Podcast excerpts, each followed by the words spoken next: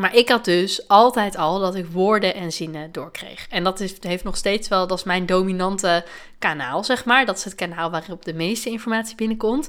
Maar op een gegeven moment dacht ik van ja, maar ik vind het ook leuk om beelden te krijgen. Want daar zit ook heel veel informatie in. En ik vind het ook fijn om er bepaalde gevoelens bij te voelen. Hè? Wat het dier dan voelt, wil ik ook voelen. En ik dacht op een gegeven moment, oh, het is ook super handig als ik kan voelen waar een dier pijn heeft. Of waar die last van heeft. Of als hij bijvoorbeeld ergens stijf of stram is in zijn lijf. Waar dat dan precies zit en hoe dat dan precies voelt. Hey, ik ben Ankie en dit is de In Verbinding met Je Dier podcast. Leuk dat je luistert. Ja, hallo allemaal en welkom bij weer een nieuwe aflevering van de In Verbinding met Je Dier podcast. Super leuk dat je weer luistert. Vandaag gaan we het hebben over het vierde basisprincipe van het telepathisch communiceren met dieren. En dit is nummer vier van de zes, dus uh, de vierde aflevering in, uh, in deze podcastserie. Um, het vierde basisprincipe gaat over uh, hoe de informatie die jij van een dier ontvangt, als jij met een dier communiceert, hoe die binnenkomt. Namelijk via je zintuigen. Um, misschien moet ik hiervoor even kort. Ik zit even hard op na te denken. misschien moet ik hiervoor even kort. Ja, ik ga eerst even kort schetsen hoe ik dit doe. Dan heb je daar een beetje een beeld bij. Hè, hoe ik communiceer met dieren. Zal ik je even uitleggen. En dan. Um, uh, ja, dan kun je ook beter. Ja, dan, dus ik schat even een beetje context. Dan is het denk ik wel duidelijker. Um, op het moment dat ik met een dier wil communiceren, dan doe ik dat door mijn aandacht op het dier te richten. Dus dat betekent dat ik of bij het dier ben, of dat ik een foto heb van een dier en dat ik um, mijn ogen dicht doe. Ik vind het het prettigst om uh, mijn ogen dicht te doen, want dan kan ik me daar zo goed mogelijk op het dier concentreren en dan word ik wat minder snel afgeleid door de omgeving. Um, dus ik doe mijn ogen dicht en dan zie ik het dier voor me in gedachten. Dus oftewel het beeld wat op de foto staat, zeg maar, zie ik voor me. Of ik zie het dier zoals ik het met mijn eigen ogen heb gezien, omdat ik bij het dier ben. Dus ik stel me het dier voor. En op het moment dat ik mijn uh, aandacht dus naar dat dier toe breng en, en me dat dier uh, voor me zie, dan gaat mijn aandacht dan naar dat dier. En dan stuur ik eigenlijk automatisch al mijn energie naar het dier toe. Het dier vangt die energie op en die reageert daarop door energie terug te sturen. En die energie die komt bij mij dus binnen via al die verschillende zintuigen en die wordt dus vertaald in woorden, beelden, gevoelens, fysieke sensaties. Hè, met gevoelens, ja, bedoel ik emoties, maar ook fysieke uh, gevoelens, bijvoorbeeld een warm of koud gevoel, of stijf, of juist soepel, of um, ergens pijn, of juist uh, heel ontspannen. Um, ja, het kan echt via al je zintuigen binnenkomen. En iedereen heeft daarin ook uh, een. Dat werkt eigenlijk. Dat verschilt ook weer heel erg per persoon. Hè? Dus de een krijgt meer beelden binnen, de ander zal meer woorden binnenkrijgen. De ander krijgt juist meer bepaalde emoties of een bepaald gevoel. Um, dat zie ik ook heel erg als ik mensen dus leer communiceren met dieren. Dan zie ik dat het echt bij iedereen weer verschillend is. En daarin is dus niet een goed of fout. Want uh, wat voor de een werkt, hoeft niet voor de ander te werken. Dus ik had bijvoorbeeld een keer een cursiste en zij, zij merkte dat zij heel erg alle...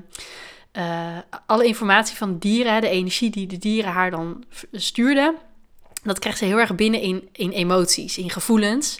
En die kon zij dan onder woorden brengen. En dan kon ze eigenlijk heel mooi aangeven van... hey, dit is hoe het dier dit ervaart en dit is wat het dier daarbij voelt. Terwijl uh, iemand anders juist weer heel veel beelden doorkreeg... en daaruit weer alle informatie kon halen. Dus het, het is niet uh, zo dat als je alleen maar beelden krijgt... dat het dan beter is dan dat je alleen maar woorden krijgt... of alleen maar gevoelens krijgt. Uh, of een bepaalde smaak of een bepaalde geur kan natuurlijk ook nog... Um, het een is niet beter dan het ander. En ik vind het juist ook zo leuk dat iedereen het op zijn eigen manier doet.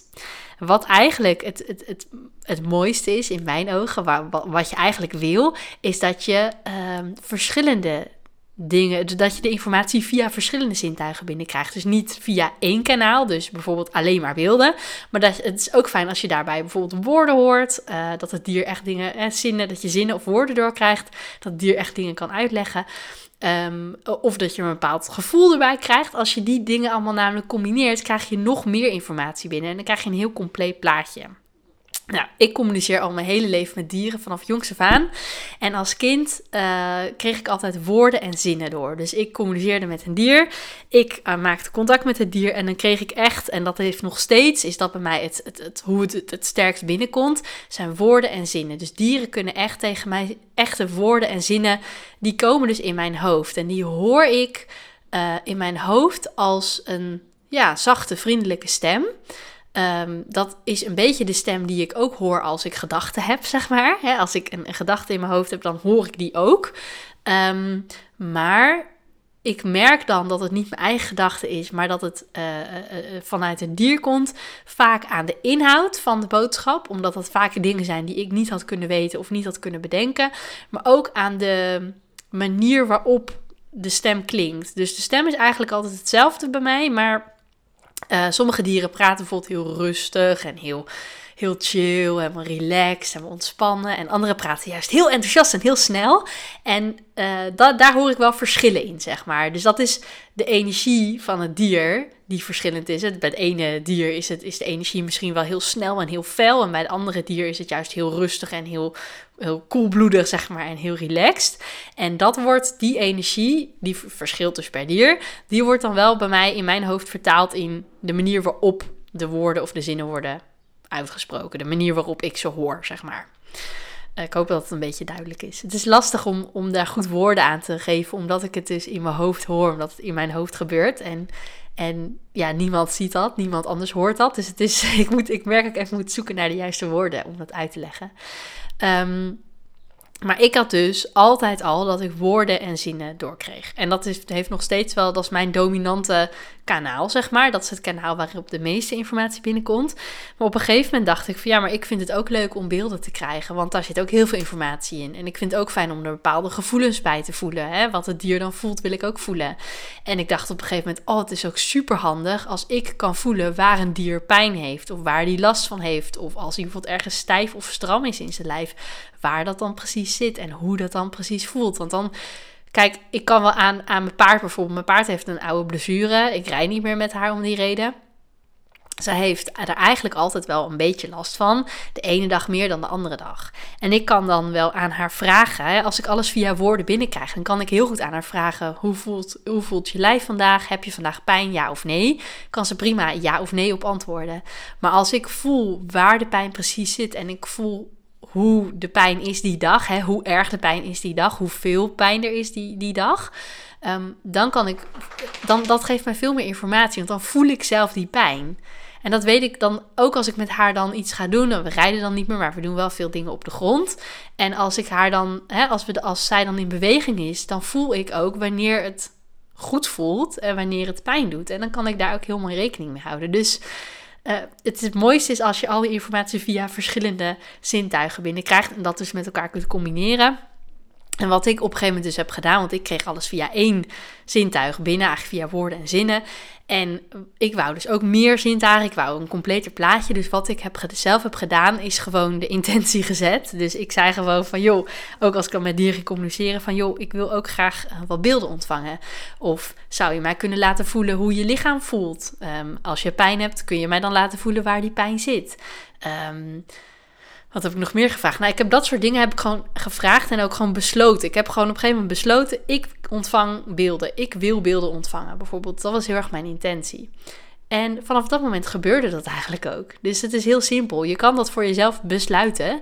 En op, je moet er wel in geloven. Kijk, als je niet gelooft, dan gaat het niet lukken. Als je bijvoorbeeld al twijfelt, als jij mij dit hoort zeggen en je denkt, ja, Ankie, heel leuk voor jou. Je hebt makkelijk, lekker makkelijk praten, maar dat gaat mij toch niet lukken als je dat denkt, dan gaat het je ook niet lukken. Maar op het moment dat jij erop vertrouwt dat, ehm, dat dat wat voor mij werkt ook voor jou werkt, dan kun je gewoon die beslissing maken en dan kun je hier gewoon om vragen. En dan hoef je alleen maar af te wachten en te ontvangen. En dan zul je ook merken dat, volgens mij heb ik al ik moet even uit mijn hoofd zitten ik even na te denken over wat de eerdere.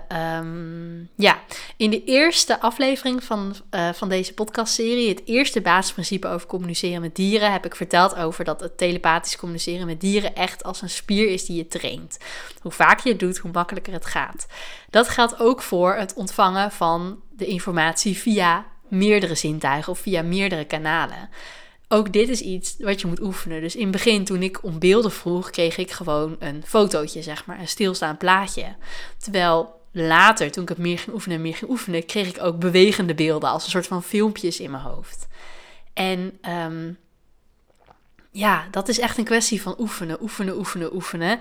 Hoe meer je dat oefent, hoe makkelijker het gaat en hoe meer informatie je ook binnen zult krijgen. En het is zo ontzettend leuk om, om dat te ontdekken. Want dan krijg je er ook steeds meer zelfvertrouwen in. En dan gaat het steeds makkelijker. En dan ga je steeds minder twijfelen aan jezelf. En steeds meer op je eigen waarnemingen uh, vertrouwen. En erop vertrouwen dat jij het goed hebt begrepen. En goed hebt opgevangen. Uh, en goed hebt ontvangen van het dier. En dan is het nog de kunst om er de juiste woorden aan te geven. Uh, zodat je het kunt vertalen voor een ander. Als je het vertaalt voor een ander. Kijk, als je dit met je eigen dier doet, dan hoef je dat in principe niet te vertalen voor een ander. Maar mocht je denken, hé, hey, ik wil uh, andere mensen en dieren hier ook mee helpen. En je wilt ook vertalen voor een ander, dan is het nog de kunst om er de juiste woorden voor te vinden. Dat is soms best lastig, omdat je heel veel, je krijgt in één keer heel veel informatie binnen. Dus binnen een paar seconden krijg ik echt eh, en een beeld, en een gevoel, en woorden, en een uitleg, en, en een smaak, en een geur, en een, en een fysieke sensatie. Ik krijg alles in één keer. Dat gaat is soms heel veel, heel snel. En dan moet je er nog de juiste woorden aan vinden. En dat is soms best lastig, want een gevoel zegt echt wel meer dan, dan uh, woorden. Ik denk dat je dat, dat je dat wel kan voor, kunt voorstellen. Dat soms dan voel je een bepaalde emotie en dan vraagt iemand aan je van ja, maar wat voel je dan? Leg het dan eens uit. En dan is het soms best lastig om onder woorden te brengen.